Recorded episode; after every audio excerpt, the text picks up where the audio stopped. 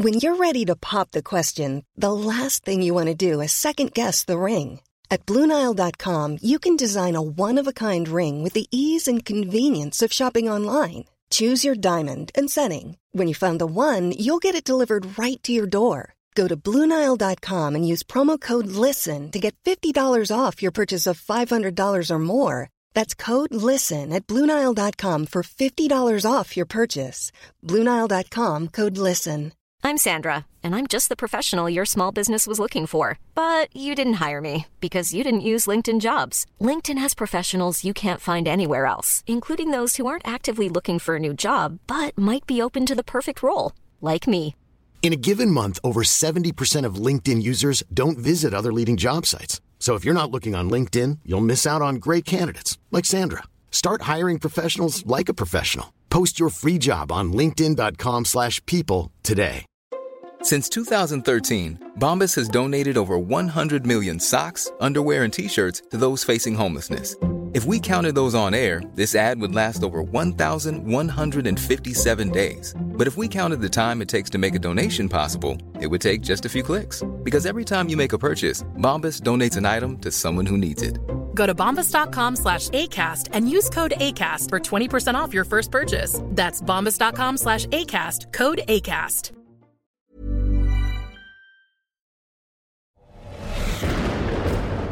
Macradion presenteras i samarbete med Kullander, din personliga mackbutik i Malmö och på nätet.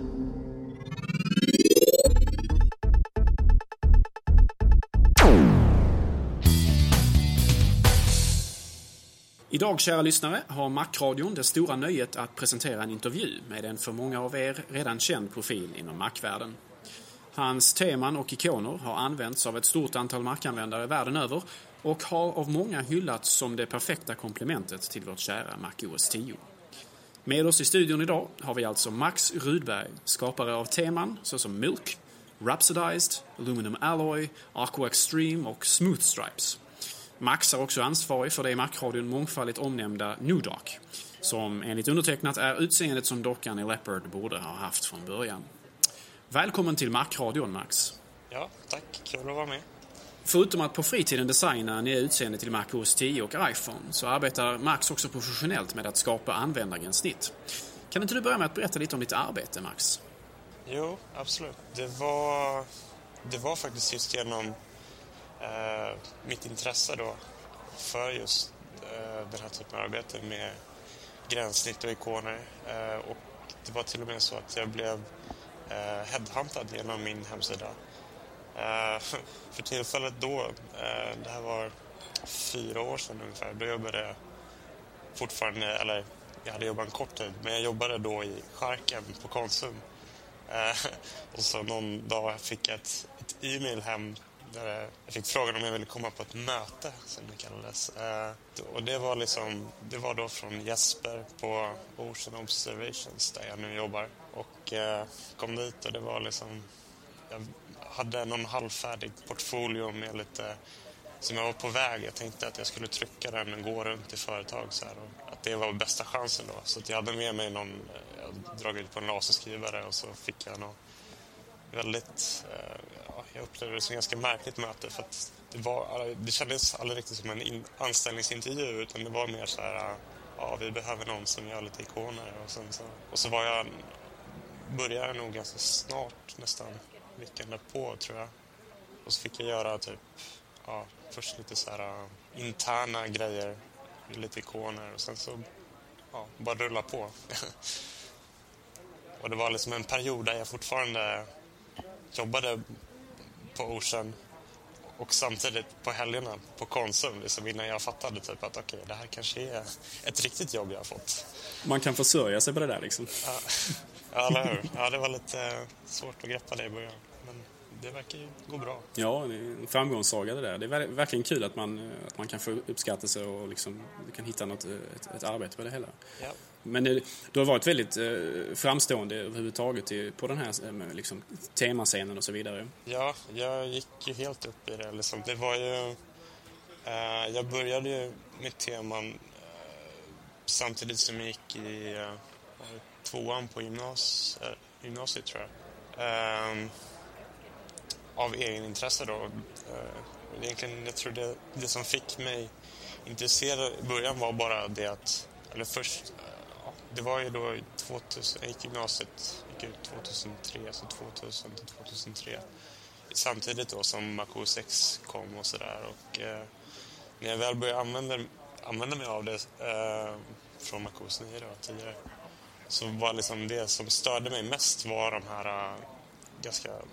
De har ju tonat ner det allt eftersom nu i systemuppdateringar. De här ränderna som var från början, de var väldigt markanta. Liksom, så att det första...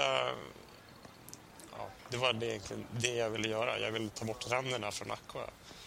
Eh, och det mynnade så småningom ut i Smooth, smooth Stripes och senare eh, då Aqua Extreme jag kan säga att det är så jag lärde känna eh, ditt arbete just därför att jag precis som du vill också tona ner dem i, menylisten och sådär så att man, man blir av med de här och även i menyer och så vidare för, för att öka läsligheten helt enkelt. Det. Uh, och det är just, de temana var ju väldigt bra på att göra just det som du, precis som du säger. Mm. Ja, utmärkt. Uh, temascenen på uh, Marcus 10 den har ju varit kanske mer som livfull förut. Den är lite så här insomnad eller i någon slags dvala nu. Ja. Uh, och det, är lite, lite trist. Vad tror du det beror på? Uh, ja, det beror väl mest på Leopard skulle jag säga. För att uh, i 10.4 då så fanns ju Unsanity's Shapeshifter som använder sig av deras Application Enhancer, eller APE som de kallar den. Och den slutade ju helt fungera i, i Leopard i och med att de har gjort om liksom hur all, alla bilder i gränssnittet ritas upp. Jag, jag vet att de har eh, de har lyckats liksom lista ut nu hur, vart liksom gränssnittsbilderna ligger men det blev liksom ännu mer komplicerat och dolt än vad det var innan. För det var, har, har aldrig varit lätt att göra teman till Moco 6 och det är väl därför det har funnits, det har aldrig funnits särskilt många. Liksom. Så det var väl deras såhär, förändringar på någon slags djupare nivå i systemet som gjorde det mycket svårare då. Och, ja, det liksom dog ut helt ett tag i alla fall. Nu börjar det väl komma tillbaka lite. Jag vet att jag har sett eh, några enstaka teman. Jag brukar eh, kolla forumen på Mac Themes eh, forum där.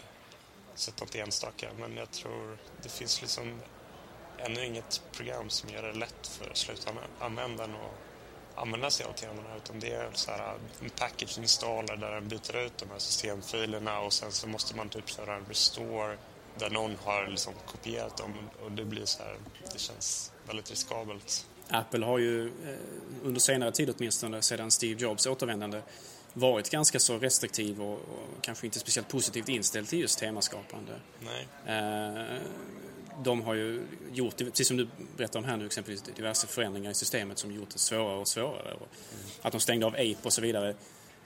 Eh, hade ju, det fanns ju vissa andra förklaringar också. Det fanns de som menade på att det gjorde systemet instabilare och så vidare vid mm. systemuppdateringar och sådär. Så det fanns ju andra förklaringar också. Men, men en del av det säkert, bottnar nu säkert i någon slags vilja från Apple att begränsa teman eh, på MacOS 10 den mån man kan. Mm.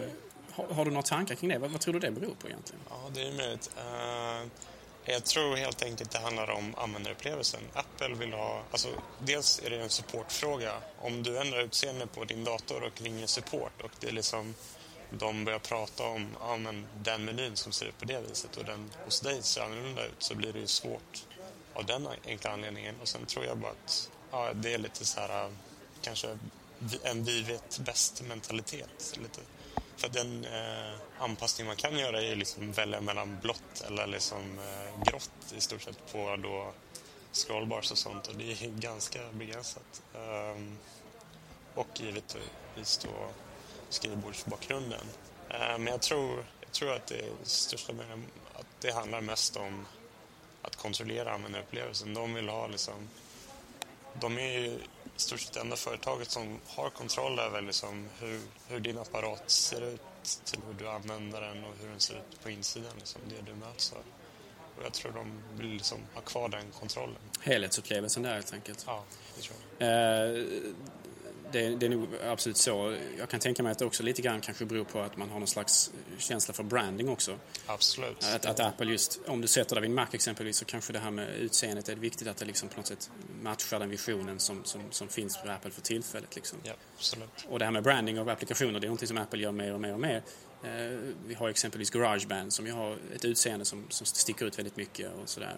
Och iTunes, tidigare på Windows såg ut som iTunes gjorde Ja. på Macen också. Ehm, Så att det, det är säkert så. Men det, det, det är lite synd faktiskt. Därför att det, är- det är rätt många som, som är väldigt duktiga som, och som, precis som du då kanske hade haft möjlighet att upptäckas av företag och Apple själva och så vidare. Ja. Och kan komma fram på det sättet. Ja, den här, den här förändringen har ju då, den, den kom ju i och med liksom Steve Jobs. För tidigare på den gamla klassiska Mac OS så fanns det ju lite mer möjligheter att göra teman och det fanns ju till och med, jag tror det var i Mac OS 8.5 eh, möjlighet att, eh, att faktiskt officiellt eh, byta teman på, på Mac, OS. Liksom. Ja. Och man experimenterade till och med med att ske- skeppa med vissa, vissa teman till den också så man kunde byta utseendet och så vidare. Ja. Så att inom Apple finns det ju, eller fanns det ju kanske man ska säga, vissa ambitioner att faktiskt möjliggöra detta för användare men de, de tycks ha försvunnit med, med tiden. Och jag minns, man kunde ju leta reda på dem, hitta på nätet. Det fanns ju, jag vet att stödet fanns inbyggt. Det låg ju så här äh, teman, men det var liksom teman inom citattecken äh, med liksom olika färger och någon bakgrund för specificerad. Men sen skulle man hitta de här, jag kommer inte ihåg, Gizmo tror jag någon hette va? Där det var liksom väldigt så här utflugna, alltså, ja, ganska extrema teman och någon som hette High Tech och sådär. Liksom. Så att, jag vet inte, de kanske avskräckte sig själva. Det finns ju faktiskt en risk för det för många av dem. Vad, vad, jag kommer ihåg, inte någon sådär kanske lysande. Nej. Eh, Men det är synd lite grann kan man tycka att, att möjligheten mer och mer försvinner. Mm. Eh, Den här förändringen som du pratade om tidigare eh, med resursförändringar, att de har ändrat filer, hur de ser ut och så vidare. Kan det ha någonting att göra med att man strävar efter den här eh, så kallade resolution independence? Ja, ja absolut. Det har det definitivt att göra med.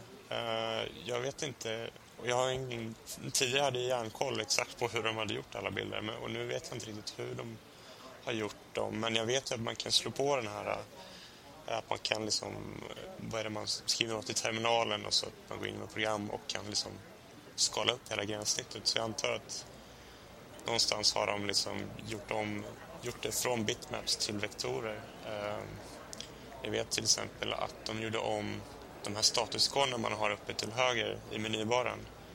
De är numera i vektor, eh, nerskalade till liksom sin storlek. Och de var tidigare då i, i bitmaps, alltså bilder i, rätt, i, i den givna upplösningen. Men nu är de liksom skalbara så att det har nog mycket med att göra med det och kanske, det kanske inte är så här ett direkt svar på temascenen utan mer en, ja, vad ska man kalla det, en, en uppoffring eller vad. En- evolutionär förändring eller liknande. Ja, Eh, det- här Resolution Independence, det är alltså eh, en, möjlighet att liksom förbereda då eh, utseendet och ikoner och så vidare för framtidens teknik där då de, de liksom mer högupplösta skärmarna ska kunna eh, som, som, som, då- kan man liksom kunna skala utseendet på, på, på operativsystemet och programmen och så vidare. Men det är väl inte riktigt all, alltid möjligt att göra detta på, via just vektorer och sådär. Alltså, ikoner och så, åtminstone liksom, kanske lite mer liksom, grundläggande ikoner fungerar det ganska bra på. Men, men, men mer detaljerade bilder, det var svårare, eller har jag fel? nej du har helt rätt. Uh, och det är något ständigt så här återkommande uh, i min bransch, i mobilbranschen där, där man liksom ser så här, men, och vektorer, den heliga graalen för att vi behöver bara en bild i en storlek och så kan vi liksom få vilken storlek vi vill på det. Men det funkar inte riktigt så utan dels kan du inte få samma detaljnivå med vektorer utan eh, du kan inte liksom få samma textur och sånt. Så att det handlar nog mer om att eh, man börjar göra liksom högupplösta original eller att man tänker sig att inte kanske snappar, att det liksom finns några satta storlekar som den hoppar emellan. För eh, om du inte har liksom något ska säga, kodat språk för hur det ska hanteras. För om du tänker dig att en, en ram runt en knapp i en given upplösning kanske du vill ha att den ska vara en pixel tjock. Liksom. Den ska bara vara där för att markera sin kant. Om du då drar upp den till tre gånger storleken så får du också en, en ram som är liksom tre pixlar. Du kanske fortfarande vill att den ska vara en pixel. Eh, sådana grejer. Eh, Och det är mycket så också när man anpassar grafik i mobiltelefon i alla fall så jobbar man ju med oftast i alla fall flertalet upplösningar. Eh, tre olika upplösningar av samma sida är inte ovanligt. Och då gör vi ofta så att vi, eh, vi ritar om grafiken helt och hållet för olika devices. Då. Eh, så det är inte helt lätt det där. Eh, men det beror ju lite på hur de vill göra. Och liksom, är en skärm väldigt högupplöst så kanske de vill att en, en, en ram ska vara 3 pixlar. Men det, det, är en ganska intressant utveckling och eh, det ska bli spännande att se. Jag menar, tittar man exempelvis på eh, om, om, man tittar på Illustrator då som är ett så här vektorprogram där man kan illustrera sådär. Ja. Då, då, finns ju, där skickas ju med exempelvis sådana här demobilder. Man kan göra rätt så, rätt så intressanta och framförallt väldigt högupplösta eller eh, rätt så väldetaljerade bilder ändå med vektorer. Men det, det kräver ju mm. väldigt mycket kraft av datorn, är det inte så? Jo, jo så är det ju. Uh, då när, vi har, när man spar exempelvis då ut vektorer för mobilen då använder man sig av ett annat format än Illustrators eget som heter SVG. Och då är SVG Tiny och där, är liksom, där har de fått ta bort alla de här säga, intressanta effekterna typ som att du kan ha en, en kanske en toning med opacitet, förändring och sånt där.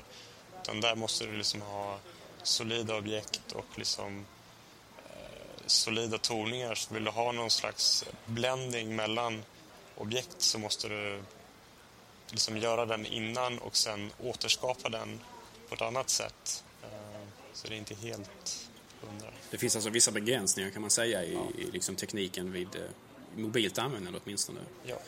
Uh, där är det också, där är kanske ännu mer just prestandan ett, ett stort problem om, om, man vill liksom förändra. Men, men där är å andra sidan kanske det också är så att um, det är inte lika aktuellt för användaren att ändra liksom upplösningen på gränssnittet efter, efter tycke och smak. Utan där kanske man har en fast upplösning istället. Medan på datorer då, mm. som vi har nu och kanske i framtiden också, så är det mer aktuellt att man vill kunna justera storleken på element och så vidare. Visst är det så. Och då har man det mobila användargränssnittet då, så då kan man ju förrendera bilder också ganska mycket efter just den telefonen. Så man kanske bara gör det en gång exempelvis och sen så slipper den då hela tiden uppdateras. Eh, Eh, beroende på användare och sådär. Ja, det är absolut. Det är en, klar skillnad där. Vi pratade lite grann tidigare om eh, gamla MacOS och eh, en sak som är ganska slående skillnad just vad gäller användargränssnitt och utseende och så vidare då mot nu, mm. det är ju det att när den klassiska Macen skapades så hade man ju någon slags en grupp inom Apple som sysslade med användargränssnitt och Bland annat då leddes den här utav den här rätt så kända Bruce Tognazzini, också känd som Tog. Okay. Uh, uh, Apple Human Interface Guidelines var något, någonting som man skapade då, alltså riktlinjer för hur saker och ting skulle se ut och fungera och så vidare. Och det var väldigt... Um, de här, det, det, fanns en grupp inom Apple som satt liksom i en slags elfenbenstorn och så dikterade man exakt hur saker och ting skulle se ut och fungera och det var det som skapade det enhetliga utseendet på Macen. Um, det skiljer sig lite grann idag därför att idag så ser man ju mer att evolutionärt, eh, evolutionära förändringar i MacOS 10. Och det känns lite grann som om olika grupper som arbetar på olika program testar olika saker mm. och, det blir mer rörigt kanske men samtidigt så kanske det blir mer dynamiskt också. Alltså eh, mail-klienten kanske har en lösning på en sak som kanske Safari har en annan exempelvis då. Ja. Hur ser du på den här förändringen? Är du positivt inställd till den eller? Um, Nej, det kan man inte påstå. Det var också... Det var någonting jag liksom eh, mycket så här försökte motarbeta i Smooth Stripes och ett tag där hade jag tillsammans med en annan kille som hette uh, René, uh, René uh, som, ja, vi hade ett litet program som hette iFix där vi tänkte så här att okej, okay, de, det är liksom QuickTime ser ut på ett sätt, iTunes på ett sätt och liksom iPhoto på ett annat. Så då försökte vi liksom föra samman de här i någon slags eh, ja, eh, konsistent eh, sammanhängande gränssnitt. Liksom. Eh, så jag tycker det är ganska dåligt. De försökte eller de gjorde en bra uppryckning där i Leopard när de eh, gick ifrån den här borstade metallen och till den eh, mer tonade eh, metallen som vi såg i iTunes då, men som nu är liksom över hela systemet. Eh, så det var ju en skön förändring och någon som jag tror liksom var efterfrågad. Lite mer sammanhållning mellan program. Och, jag tror det är väldigt viktigt för att få användare, att användaren känner igen sig, liksom inte tappar bort sig. Men de gillar ju, man, eh, det har ju varit så nu att iTunes är liksom lite grann där de testar nya gränsningsgrejer. Man kan ofta så här, man har kunnat kolla på iTunes för att senare se det som letar sig in i andra program eller då som är läppad i hela systemet jag håller helt och hållet med dig där att jag är väldigt positivt inställd till att man på något sätt försöker skapa lite mer enhetligt utseende. Men om jag får spela djävulens advokat här en sekund mm. så finns det ju de som menar exempelvis på att, att det här är liksom betydelsen av det enhetliga utseendet, det konsekventa utseendet är, är klart eh, överskattat. De menar exempelvis på när man använder exposé så har man en stor fördel av att program har väldigt distinkta utseenden för att man ska kunna urskilja dem väldigt fort. Exempelvis då Garageband som ju har ett väldigt eh, exotiskt sätt att, att skildra sig själv. Eh, kontra exempelvis iTunes då som kanske då ser mer ut som ett vanligt program eller, eller, eller Safari och så vidare. Mm. Så att det finns ju vissa argument som jag kan tycka är jag kan inte sympatisera med dem helt och hållet för jag, jag, tycker ändå att enhetlighet är bättre men på något sätt så finns det en viss vikt vid de här argumenten, eller vad säger du? Ja, det är en mycket bra poäng faktiskt. Uh, jag kan hålla med om det, precis som du, till en viss del. Ehm, just att det skulle vara lättare att exposera känns ju som en ja, liten detalj sådär. Men eh, jag skulle nog säga att jag ändå föredrar liksom att det är konsekvent. För om man kollar till exempel på hur det är på Windows där, där gillar ju liksom eh, stora program eller stora företag som gör ett eget program då har de liksom gjort ett helt eget gränssnitt så att du kommer in i ditt program du får liksom lära dig från grunden i stort sett.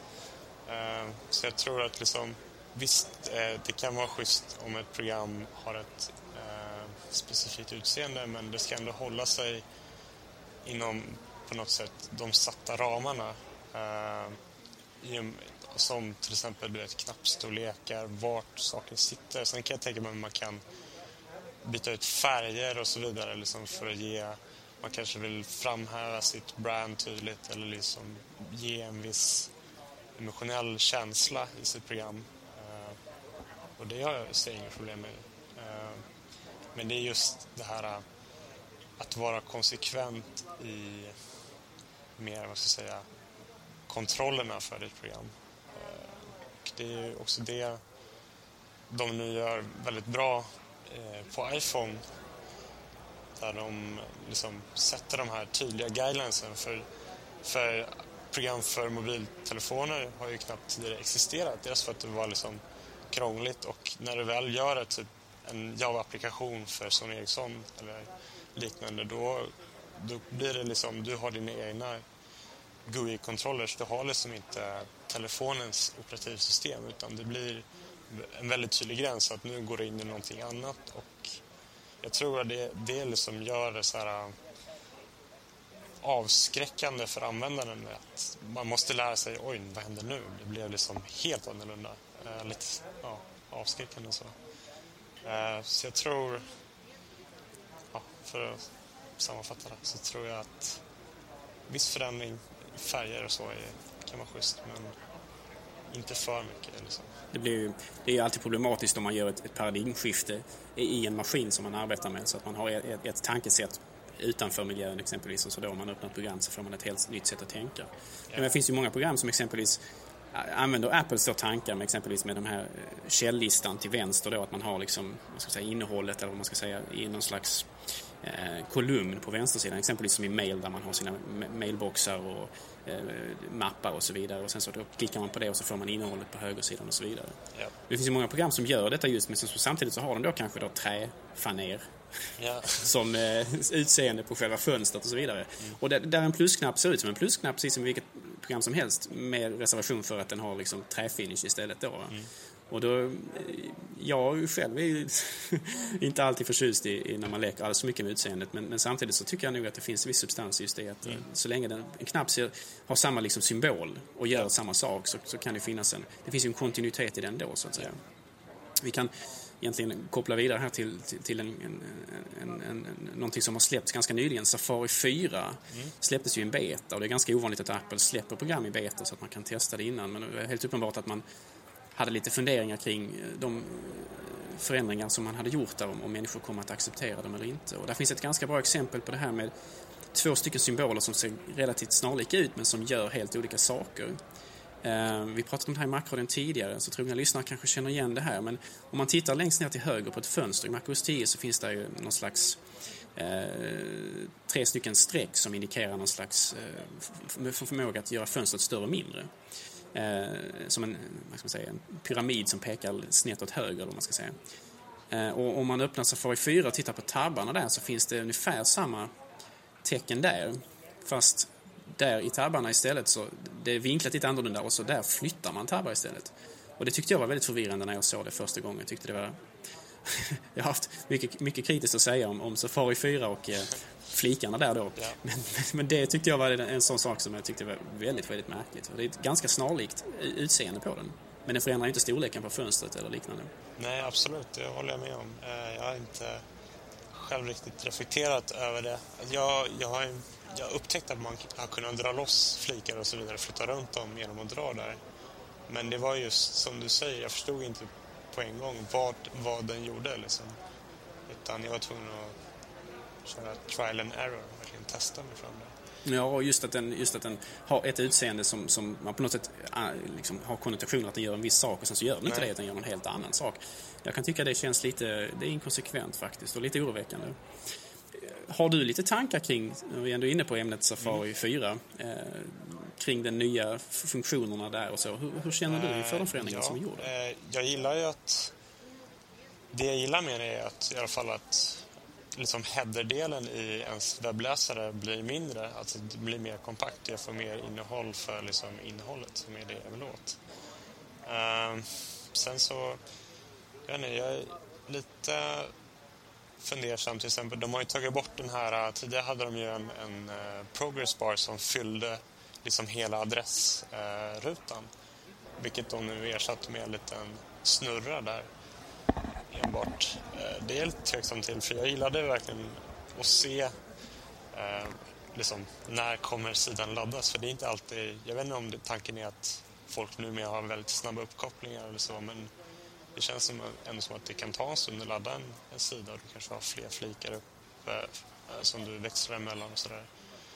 Eh, så det var en detalj som jag inte gillade. Sen så generellt så kändes det så här det var väldigt mycket Google Chrome-inspirerat nästan så här att man har, man har lånat väldigt friskt liksom. Eh, kanske inte lika mycket eh, nytänkt som man är van vid. Ehm, men jag, framförallt så gillar jag Topsites väldigt mycket. Jag tycker det är jag har aldrig haft en, liksom, en startsida som jag går till utan det är en blank sida och sen så har jag liksom navigerat mig genom från mina eh, bokmärkesraden ovanför där.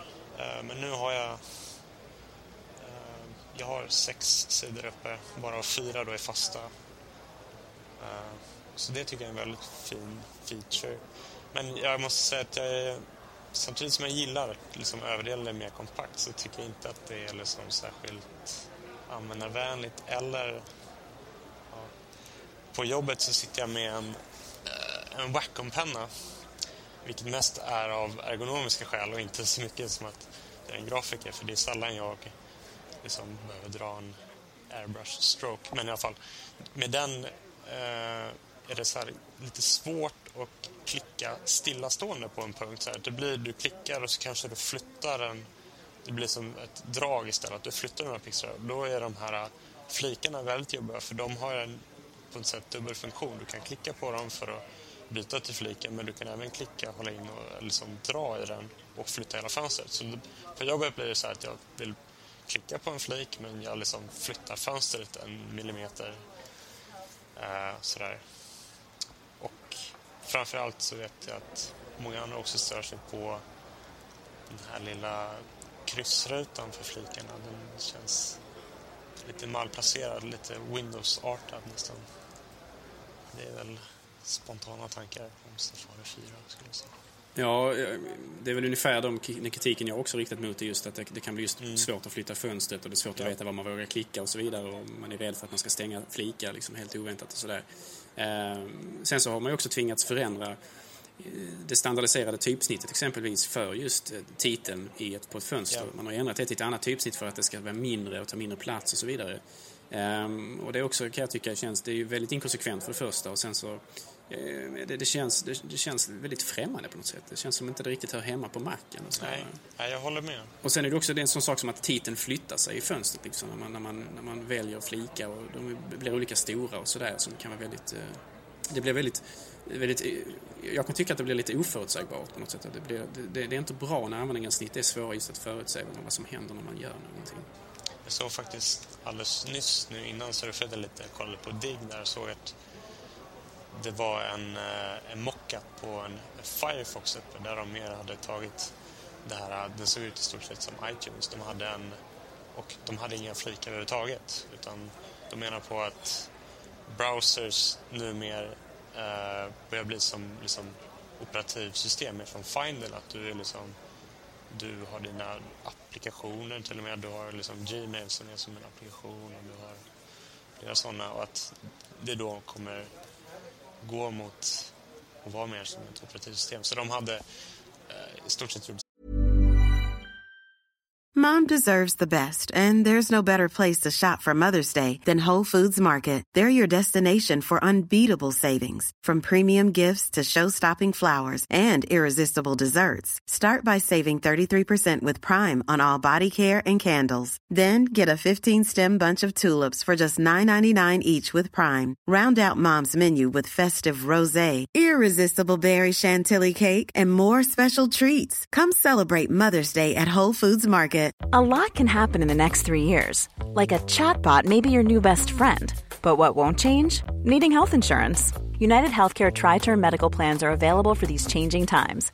Underwritten by Golden Rule Insurance Company, they offer budget friendly, flexible coverage for people who are in between jobs or missed open enrollment. The plans last nearly three years in some states, with access to a nationwide network of doctors and hospitals. So, for whatever tomorrow brings, United Healthcare Tri Term Medical Plans may be for you. Learn more at uh1.com. When you're ready to pop the question, the last thing you want to do is second guess the ring. At Bluenile.com, you can design a one of a kind ring with the ease and convenience of shopping online. Choose your diamond and setting. When you find the one, you'll get it delivered right to your door. Go to Bluenile.com and use promo code LISTEN to get $50 off your purchase of $500 or more. That's code LISTEN at Bluenile.com for $50 off your purchase. Bluenile.com code LISTEN. Since 2013, Bombas has donated over 100 million socks, underwear, and t shirts to those facing homelessness if we counted those on air, this ad would last over 1,157 days. But if we counted the time it takes to make a donation possible, it would take just a few clicks. Because every time you make a purchase, Bombas donates an item to someone who needs it. Go to bombas.com slash ACAST and use code ACAST for 20% off your first purchase. That's bombas.com slash ACAST, code ACAST. Hey, I'm Ryan Reynolds. Recently, I asked Mint Mobile's legal team if big wireless companies are allowed to raise prices due to inflation. They said yes. And then when I asked if raising prices technically violates those onerous two year contracts, they said, What the f are you talking about, you insane Hollywood ass? So to recap, we're cutting the price of Mint Unlimited from $30 a month to just $15 a month. Give it a try at mintmobile.com slash switch. $45 up front for three months plus taxes and fees. Promo for new customers for limited time. Unlimited more than 40 gigabytes per month. Slows. Full terms at mintmobile.com. Som iTunes har sagt att du hade den här vänster... Eh, den här ytan till vänster med liksom länkar och sen så hade du någon slags översiktskarta med med olika öppna fönster och så. så det kanske är mer något sånt. Alltså det, det, är mer något sånt man skulle vänta sig av Apple men det, känns, det här känns lite som att de sneglar på Google och så gjorde de sin egen variant och kallar det för en beta. Men, eh, Hela betakonceptet är ju nästan lite av ett stående skämt hos Google för de släpper ju nästan inga, inga av sina webbprogram liksom i något annat än beta. Så kan det kännas ibland åtminstone. Nej men du, du, du har nu helt rätt och du, den här förändringen tror jag kan också komma liksom av, av, Google själva vill ju säkert ha den förändringen också därför att det är ett sätt att konkurrera med Microsoft som är deras stora fiende. Att man på något sätt gör mm. operativsystemet irrelevant om man försöker skapa webbläsaren som miljön där folk faktiskt arbetar i oavsett om de surfar ja. eller skriver eller vad det kan vara. Så att eh, den förändringen kommer säkert att komma mer i, i, Google Chrome då också, kan jag tänka mig. Jag kan, jag kan också tycka lite grann att det här med Apple sätter lite grann standarden för hur, hur program ska liksom se ut och uppföra sig och så vidare. Och när Apple då gör de här förändringarna, som exempelvis då flikarna i Safari 4, så finns det alltid en möjlighet eller risk, eller vad man nu ska kalla det, att de även dyker upp i andra program, både från Apple och från tredjepartstillverkare och så vidare. Eh, flikar överhuvudtaget har ju dykt upp i program som, som man kanske kan ibland ifrågasätta om de överhuvudtaget hör hemma där, om man verkligen använder så många fönster och så vidare. Eh, så att det, det kan ju få liksom en spridningseffekt också på det här. Eh, men Safari 4 är ju faktiskt en beta och har man tankar och åsikter kring detta kan man alltid lämna feedback till Apple. Eh, jag har gjort det eh, och många med mig kan jag tänka mig. Så vi får väl se hur den slutgiltiga lösningen är. För på Safari 4 kan man ju faktiskt få tillbaka de gamla flikarna via ett, ett kommando i, i, i, eh, i, terminalen. Problemet är naturligtvis att om de implementeras i andra program så är det inte alls säkert att den möjligheten finns. Både från Apple och från andra tillverkare. Så att, man ska inte bara göra den förändringen och säga att nu är Safari som jag tycker den ska vara. Utan vill man verkligen inte ha den här sortens sätt att hantera flikar så är det bäst att säga till innan det blir liksom en, en officiell eller inofficiell standard som man arbetar efter. Macradion presenteras av kulander.se. Din personliga mackbutik i Malmö och nu också på Facebook.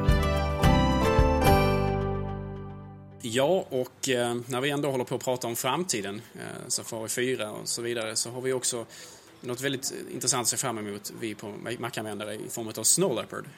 Eh, och spekulationerna är ju, eh, eh, går ju vilt här vad det är som kommer att komma utseendemässigt och så vidare. Och jag, har alltid, jag har ju trott väldigt länge att eh, eftersom Apple har sagt att inga större förändringar kommer att komma för användaren just vad gäller liksom funktioner utan att man arbetar mycket i bakgrunden så en säljande punkt har ju är ju rätt så uppenbart att man förändrar utseendet på, på, på, användarens, på, på, på operativsystemet och användargränssnittet så att folk har en god anledning att köpa det även fast man inte förstår vad de här bakgrundsfunktionerna faktiskt gör. Och det har ju spekulerats då kring vilka förändringar som kommer. Jag har ju stuckit ut hakan lite grann här i, tidigare avsnitt av Macradion exempelvis och jag, jag, jag, tror ju exempelvis då att eh, de här tendensen till att göra ikoner som är eh, lite fyrkantiga istället för då friform det vill säga ikoner som ser ut som ikoner gör på iPhone. Jag, har ju sett de tendenserna att de har dykt upp i program från Apple också. Om man tittar exempelvis i, i systeminställningen så har ju fler och fler av de ikonerna som lagt till där fått det eh, fyrkantiga utseendet. Exempelvis då eh, utseende-ikonen, eh, eh, exposé-ikonen och så vidare. Mobile Me, den nya ikonen från Mobile Me har också varit så här fyrkantig fast med rundade hörn. Och tittar man i programappen exempelvis eh, om man tar fram Exposé-programmet så har den också den här ikonen och ehm, systeminställningar där, även där har fått den här, det här utseendet och så jag, jag, jag, har sagt det tidigare, jag säger det igen, jag tror det är ett, eh, en framtiden för hur ikoner skapas på MacOS 10. Uh, eh, jag tror det. Vad, vad, vad, tror du Max? Jo, alltså jag hoppas att det inte är så. För att uh, det känns som att det är en sak på iPhone där det liksom har där finns det en poäng med att ha den här ramen runt dina ikoner för att de ska se ut som knappar. Du faktiskt trycker på ikonerna.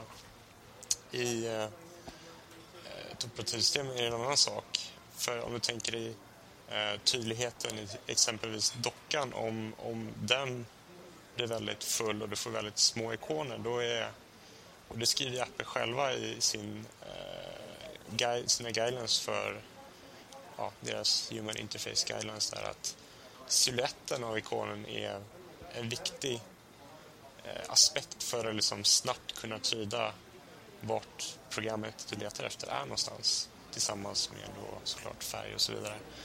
Eh, så jag hoppas verkligen inte att de kommer införa någon slags eh, säga, mall för att nu ska alla ikoner vara rundade fyrkanter och så vidare.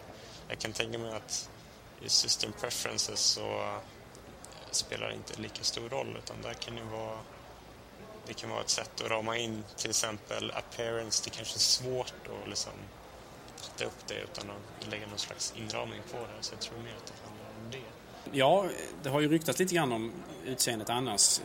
Det har ju exempelvis fått ett, ett, ett, ett smeknamn, eller det kallas ju, lär ju ryktas att det kallas inofficiellt hos Apple som Marble. Eh, och att det då ska vara lite mörkare och lite, lite, lite, lite plattare och sådär. Vad tror du Max, kommer Aqua att möta samma öde som Brushed Metal en gång gjorde? Det är klart intressant. Uh, en kvarleva faktiskt från den första, det har fenomenet med sen ja, den initiala releasen av Mac OS X är ju deras progress bars och scroll bars. Det är det jag fortfarande själv lyfter över från mina Smooth Stripes-teman när jag liksom... Jag köpte nyligen en Mac Mini hem så här, och det första jag gör är typ att lyfta över eh, mina egna systemresurser för scrollbars och progress bars som är faktiskt sammanhängande med hur resten av knapparna såg ut. För det var ju i, ska se, ja, någonstans 10.1, 10.2 så de gjorde om. Eh, från, från början så var ju liksom knapparna väldigt så här, det var rejält med skugga, det var rejält med gloss liksom, och de tonade ner det lite till lite mer så här, lite plattare och lite mer, eh, ja, lite krispare utseende. Men de gjorde aldrig det för scrollbars eller progress bars av någon anledning. Det kanske var en, en tidsfråga. Och det, är liksom, det har hängt kvar så här, så att fortfarande är liksom progress bars och scrollbars densamma. Så om de ska göra någonting i alla fall så snälla ge mig nya progress bars och scrollbars som är konsekventa. Uh, vi kan ju se nu, vi pratade tidigare om iTunes där, att de har ju lagt in nya scrollbars i iTunes eh, till exempel och eh, som dessutom skiljer sig om du går in i, eh, se, vad är det nu, den här äh, nya vyn med album så tror jag att den blir, precis, då blir den mörk dessutom. Så den skiftar utseende lite där. Så att om det är någonting jag skulle efterfråga så är det eh, ja, konsekvent och nytt utseende för scrollbars och progress bars. Och sen så liksom överlag så tror jag att vi kanske ja, helt enkelt kan få se lite element från iTunes i systemet som som systemresurser som programutvecklare kan använda.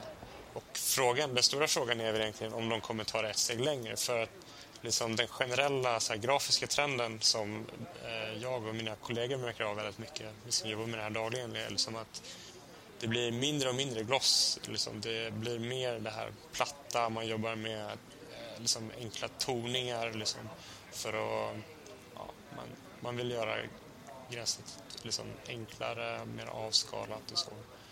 Eh, så frågan är om de kanske till och med, som du säger, går ifrån Aqua helt och hållet. Och det är ju helt klart intressant. En ytterligare fördel med att liksom göra användningen lite mer nedtonat avskalat som du säger, det är just att det blir ju lättare kanske att göra de här knapparna resolution independent, alltså förbereda dem just för upplösnings, att man kan köra andra upplösningar och så vidare också. För jag kan tänka mig att de glossiga knapparna som, som vi ser i, i MacOS 10 nu är relativt svåra att göra kanske i, i, vektor, i vektorformat. Mm. Ja, om inte annat så blir de ju tyngre då som vi snackade om eh, tidigare. Så det skulle kunna vara en, mm. en sån sak också. Har du några andra tankar och funderingar kring vad du hoppas på att se? Inte bara vad du tror. Är det några sådana förändringar du går och väntar på? Det är något som vore väldigt trevligt vore om de faktiskt la till fler utseenden än bara blått och grått att välja mellan. Uh, för jag, det känns ju till exempel i då iChat kan man ju mycket lätt så ställa in sin egen färg på en chattbubbla till exempel. Det vore ju smutt om du kunde gå in i appearance och liksom, nej, men jag känner för att ha rosa knappar över hela systemet och så får du det. Ehm, så en sån grej, då skulle man i alla fall, om än inte ett helt tema så kan du i alla fall du vet, sätta din personliga prägel på det i lite större utsträckning. Jag, jag kan tycka att det känns lite konstigt just att Apple just slutade med att bara ha just blått och grafit, att man aldrig la till fler utseenden som du nu efterfrågar. Eh, grafit kom väl till som någon slags kompromiss där den grafiska branschen som arbetar mycket med bilder och färger och sådär tyckte att Mac OS 10 när det släpptes framförallt var alldeles för färggrant och det liksom, eh, att, att eh, blåa klickytor och så vidare och röd, rött, gult, grönt uppe i, i, i de här eh, stoplights, alltså det som stänger fönster och så vidare, att det störde deras arbete. Så det kom som en slags kompromiss. Men det hade varit väldigt trevligt om de lade till möjligheter att göra mer där, så att man liksom fullföljde den tanken lite mer. Utan att för den saken skulle liksom möjliggöra med, med teman och att man kan ändra allt möjligt utseende på, utan det var liksom vilken färger som man valfärger i menyer och så vidare. Och så. Färger på knappar och allt vad det kan vara för någonting oavsett vilket så kommer det, hur det kommer att se ut så kommer det vara väldigt spännande att få ta del av Snow Apple i alla fall. Och vi är väl alla väldigt eh, eh, intresserade av att se hur det slutgiltiga utseendet kommer att bli. Eh, om Apple kommer att göra de här eh, förändringarna, som, som stora förändringar som, som många människor tror och, och hoppas på. Eh, användargränssnitt som vi har pratat om väldigt mycket idag, det är ju någonting som, som, som ligger en markanvändare eh, varmt om hjärtat. Eh, men även om man använder iPhone exempelvis så är det något väldigt, väldigt viktigt. Och du har ju viss erfarenhet av att utveckla då mot iPhone via ditt arbete. Och du har även släppt en del teman och sådär på din, din, din, din webbsajt. Um, hur ser du på iPhone? Styrka, svagheter och användargränssnittsmässigt ja, och sådär? Alltså, det ska vi inte sticka under stol med att liksom, när iPhone släpptes så förändrade de mobilbranschen totalt. Eh, det var ju, de sa ju det själva att det här är liksom uh, ska säga, sa de att det var fem, fem år före allt annat eller var det två år? Men det var ju hur som helst. De var ju liksom ljusår före allt annat som fanns just då när de visade upp den första gången. Eh, och alla fick ju panik, så här, alla ville göra en iPhone mer eller mindre. Och, ja, det lustiga är att alla misslyckas i stort sett. Men hur som helst, de har ju alltså, verkligen satt en, en standard där för hur en, en touchscreen-telefon ska användas. Och eh, allt ifrån det, hur, hur en scrolllista faktiskt känns som ett någonting du scrollar igenom din telefon. Det är inte bara en, en lista du förflyttar dig utan det är det är någonting du puttar runt i telefonen. Att du verkligen får den här eh, fysiska känslan och hur de jobbat med animationer som känns väldigt så här, eh, just väldigt fysiska också. Eh, så de har ju helt klart satt en standard och ja, det virtuella keyboard, eh, tangentbordet. Uh, eh, att liksom man vågar göra någonting så pass radikalt att nej men, vi ska ha, vi har en knapp på vår telefon, det räcker. Och sen har vi ett virtuellt tangentbord. Eh, så att helt klart en eh, otrolig första telefon och jag tror liksom det var ju mycket uttalanden, bland annat då från Palm, att det, det, här är liksom ingen, ingen marknad man bara klampar in på utan vi har liksom många års erfarenhet och så här. Så att det var ingen som trodde att Apple skulle kunna göra det de gjorde och ja, det är ganska bisarrt när man tänker på det. Faktiskt. Ett paradigmskifte som, som ett företag stod för med en produkt. Det är tämligen Absolut. unikt. Ja, verkligen. Väldigt ovanligt åtminstone. Uh, har du haft möjlighet att, uh, i ditt arbete så arbetar ni som sagt med, med iPhone en del. Har du haft möjlighet att utvärdera iPhone kontra andra telefoner och kommande telefoner som exempelvis, jag utgår från att du inte har provat Palm Pre, men de, det finns ju vissa videor så här på internet de har släppt med mm. användargränssnitt och så vidare. Har du några tankar och funderingar kring det? Ja, vi har ju det här är mer någonting mina interaktionsdesignkollegor håller på med när de benchmarkar och testar olika telefoner. Men jag har givetvis, varje gång det kommer någon och har lagt vantarna på en ny touchscreen-telefon så vill man ju testa liksom. Men eh, oftast är det så, ja, det, är så det, är, det är så långt ifrån iPhone så att det, det blir löjligt liksom. Eh, typ den senaste eh, Nokia Music Express där man har, ja okej, okay, den liksom promotas som en touchscreen-telefon. Det står i reklamen så här, ja men som iPhone fast bättre. Och så testar man den och du, du, vet, du får upp en scrolllista och så trycker du liksom i listan och då flyttar du runt en highlight. Liksom. Du, det är inte så här, du kan inte trycka på grejer och för att scrolla i en lista så ja, då tar du tag i en traditionell scrollbar och drar den med fingret. Det blir så här, okej, okay, ni kanske ska inse att det här funkar inte riktigt. Så du ställ, och sen så ställer du din highlight i listan och sen så måste du trycka en gång till för att gå vidare. Liksom. Så det är så här, äh, rätt obegripligt hur de tänkte där, eh, till exempel. Och det är just det som äh, är intressant med Palm Pre, för att det hittills har ju som sagt, har, alla har ju försökt göra en iPhone men det är liksom ingen som har lyckats. Det är några som har kommit liksom nästan, nästan dit men det är ingen som har nått ända fram. Men anledningen till att folk blir så exalterade över Palm Pre är att den faktiskt har, den har i stort sett allt som iPhone har. Den har, de har den här eh, den fysiska känslan när du scrollar i en lista. De har, de har, de har liksom snabbheten. Man såg ju själv när han demade på sitt eh, live-demo där, det var väldigt rappt och sådär. Eh, så de har liksom nått iPhones nivå eh, och sen så har de tagit ett, ett steg vidare då i och med att de har eh, framförallt multitasking, att du kan köra flera program parallellt och även på ett smidigt sätt eh, få fram din eh, programväxlare i ett program utan att behöva ta det ur det. Liksom. Eh, och när man ser den eh, demofilmen så blir man, inser man ganska snabbt att eh, det här i iPhone när du, går in och ut ur appar hela tiden, det känns... Det håller inte riktigt. Det, det funkade, eh, den ursprungliga tanken, när de hade liksom en sida med sina egna applikationer. Eh, men nu när de liksom öppnat App Store och du kan ha så här, eh, vad är det, nio sidor av applikationer, då känns det så här plötsligt väldigt... Man, jag börjar bli irriterad på den här animationen som blir när du startar ett program och ikonen åker bort och du går hem och de åker tillbaka. Liksom. Man vill så gärna komma ifrån det. Jag vill ha mina applikationer där. Liksom. Eh, så att, ja, det, jag skulle säga att jag har inte testat den då som sagt, men just nu så ser det ut som att Palm Pre är den enda som kommer i närheten. Det, det återstår lite grann att se om, om Palm faktiskt kan leverera det här med bakgrundsprocesser och så vidare, att man har program igång och så. För det är ju, de har ju inte lyckats, eh, eftersom den inte är släppt så vet vi inte vad det, hur det påverkar batteritid och hur det påverkar prestandan i telefonen i övrigt och sådär. Och det har ju varit en av de anledningarna till att Apple inte har valt att implementera just det här. Eh, men det ska bli intressant att se och jag, jag, tror nog att vi ska vara glada, även fast vi kanske älskar iPhone och sådär och gillar Apple, så man ändå vara glad att det finns en, en, en trovärdig konkurrent på marknaden som på något sätt kan driva Apple framåt. För det känns ju som, eh, exempelvis på, vad gäller Macen just, så Apple har ju drivits, eh, inte haft så många trovärdiga konkurrenter användarmässigt där. Microsoft har väl kanske aldrig varit liksom i kapp på något sätt. Men Apple har ju å andra sidan legat underst där, eller har alltid fått kämpa för ett underläge. Så där har man ju ändå haft en viss motivation. Men nu är ju iPhone, den växer ju för var dag som, som går. Och det, det, det är nog viktigt att Apple har en, en, en, konkurrent som är vass och som kan hålla dem på sina tår. Liksom, ja, på något sätt. Absolut, det håller jag helt och hållet med Och de, man märker ju att de, eh, de ger ju också, de försöker ju tillmötesgå användare när vi ser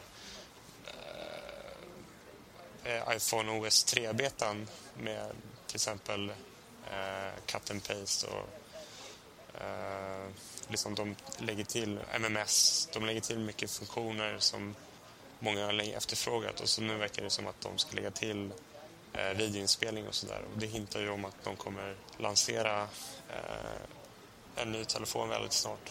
Eh, så det är helt klart att de har, de har vad som verkar bli i alla fall en värdig motståndare så att de inte sitter där på sin tron liksom, och tror att de är säkra utan det är någon som jagar dem i hälarna i alla fall.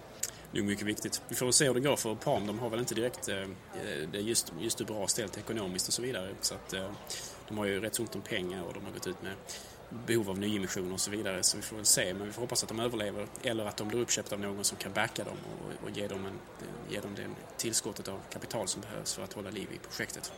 Eh, Mardrömsscenariot vore väl om Apple köpte dem och la ner det. Men eh, det är väl kanske inte så stor risk förhoppningsvis.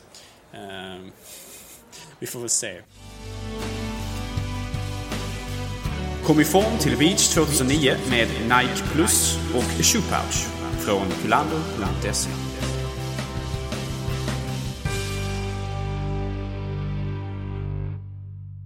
annan aspekt av eh, iPhone, eh, just att den är liksom låst så väldigt mycket från Apples sida. Man har liksom väldigt top-down control över vad som händer och sker. Och tidigare så vill man inte ens tillåta andras program. Eh, och man har ju letat på de begränsningarna nu. Men det finns fortfarande väldigt mycket begränsningar med iPhone som, som vissa användare kanske uppfattar som problematiska. Och det finns ju vissa lösningar på det. Är du, är du bekant med dessa? Uh, ja, absolut. Det är ju den så kallade jailbreak-scenen då, där man uh, låser upp sin telefon och liksom får åtkomst till alla filer och så vidare.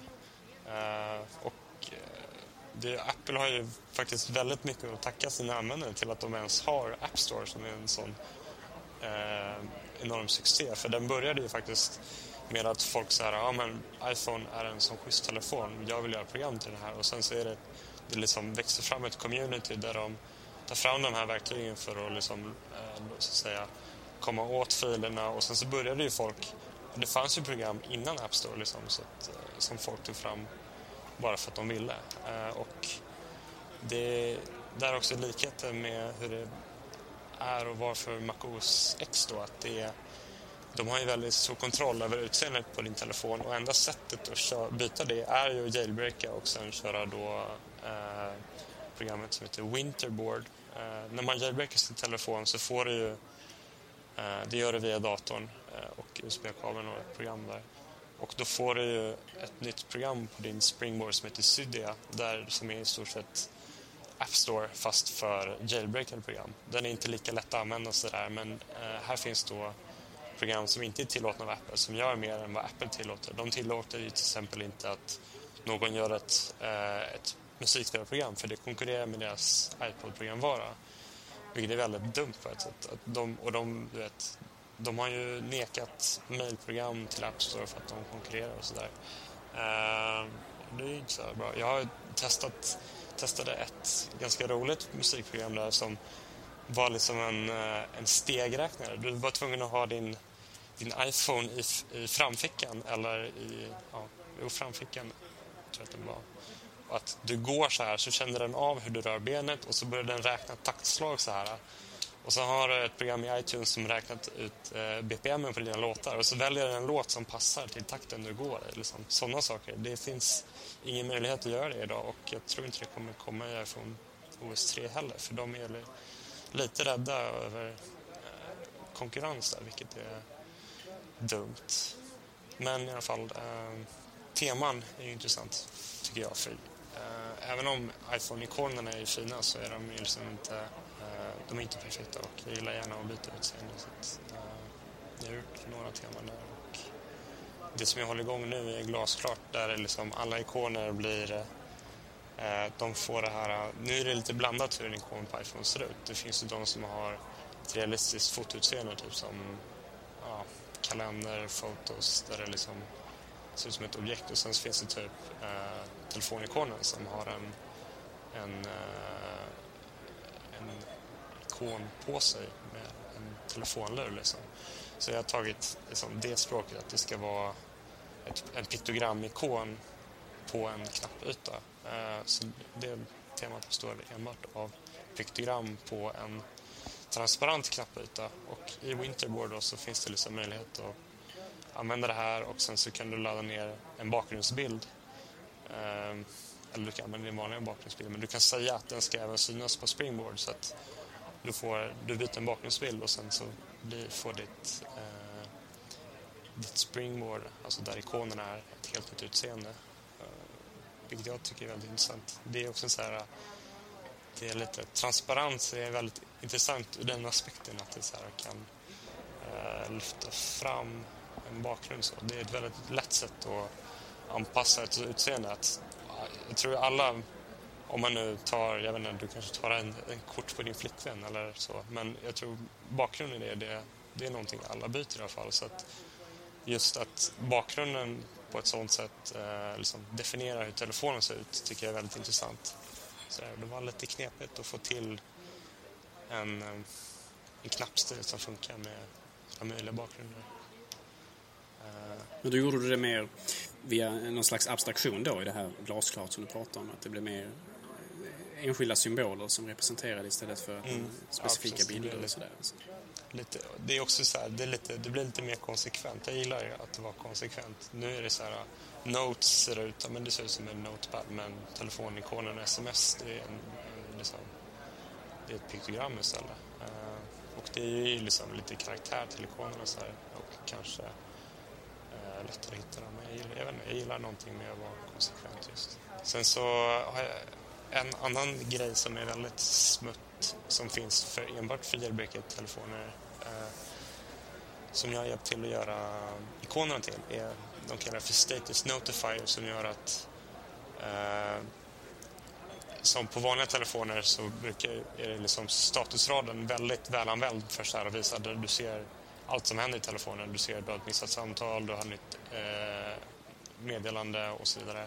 Det har inte alls iPhone och det här programmet eh, lägger till de funktionerna att du kan se typ, om du har eh, ett chattmeddelande, du har ett missat samtal, du har sms och även typ du har silence på, alltså du har stängt av ljudet, eh, ringsignalen. Eh, så det är en väldigt fin applikation ska jag säga. Så här eh, avslutningsvis Max, så kanske du har något eh, program till iPhone som du vill rekommendera Eh, våra lyssnare? Ja, det skulle vara då... Jag köpte nyligen det själv via Cydia. De har ju öppnat så säga, Cydia Store kallar de det. Den är ganska liten än så länge men du behöver ett Paypal eller ett Amazon-konto så kan du köpa program där som då kan göra mycket mer än vad de program som tillåter av Apple kan. Eh, och där köpte jag eh, jag tror exakta namnet var iHaptic Pro som gör att du kan ställa in eh, så att säga taktil feedback. Så varje gång du trycker på någonting på telefonen så vibrerar den lite lätt så att det blir, du får den här lite fysiska känslan. För det är det man saknar lite i en touchscreen. Och såklart så är det här något som skulle tillåtas av appen för det påverkar ju lite batteritiden att den skakar varje gång du liksom rör vid ett element. Så eh, Men jag tycker det är, det är rätt smutt liksom. Jag, är inte, jag lider inte så mycket av att det drar batterier för jag laddar ändå telefonen en gång om dagen. Så, så det skulle vara det programmet. iHaptic Pro i Sydney. Då tackar vi så mycket från Macradions sida. Vi får tacka Max Rudberg väldigt, väldigt mycket för att han har ställt upp på den här intervjun.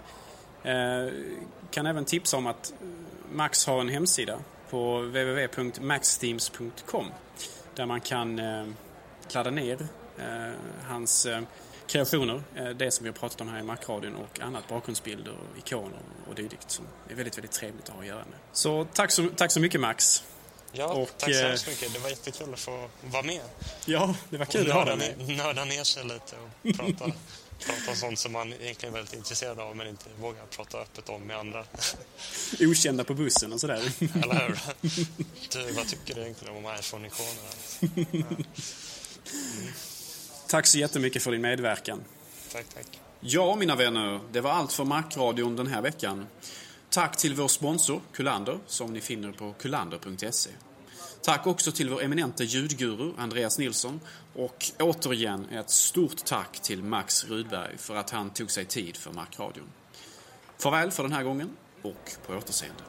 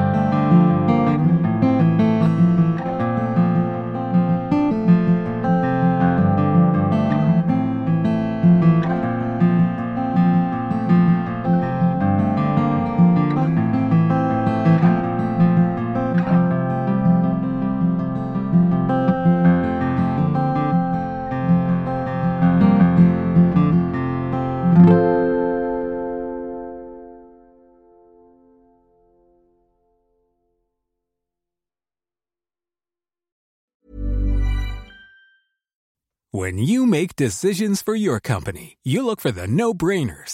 And if you have a lot of mailing to do, stamps.com is the ultimate no-brainer.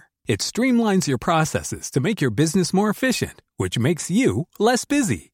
Mail checks, invoices, legal documents, and everything you need to keep your business running with stamps.com. Seamlessly connect with every major marketplace and shopping cart. Schedule package pickups and see your cheapest and fastest shipping options from different carriers with rates up to 89% off USPS and UPS rates. And with the Stamps.com mobile app, you can take care of mailing and shipping wherever you are. Make the same no-brainer decision as over 1 million other businesses with Stamps.com. Sign up with Code PROGRAM for a four-week trial, plus free postage and a free digital scale. No long-term commitments or contracts. That's stamps.com. Code program.